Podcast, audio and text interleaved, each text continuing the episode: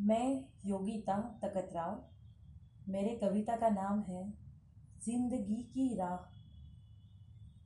ज़िंदगी की राह चलते, मुश्किलों का आना।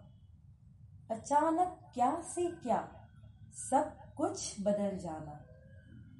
कुछ भी हो जाए पर तू हौसला रखना।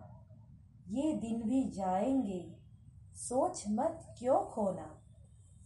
तू चला, चलता रह, ज़िंदगी की राह पर, रुकने की हार के, तू खुद से बात न कर, उम्मीदें बाँध के, दिलो दिमाग से, निकल जाएगा भवर से, तू तसल्ली तो रख, धन्यवाद।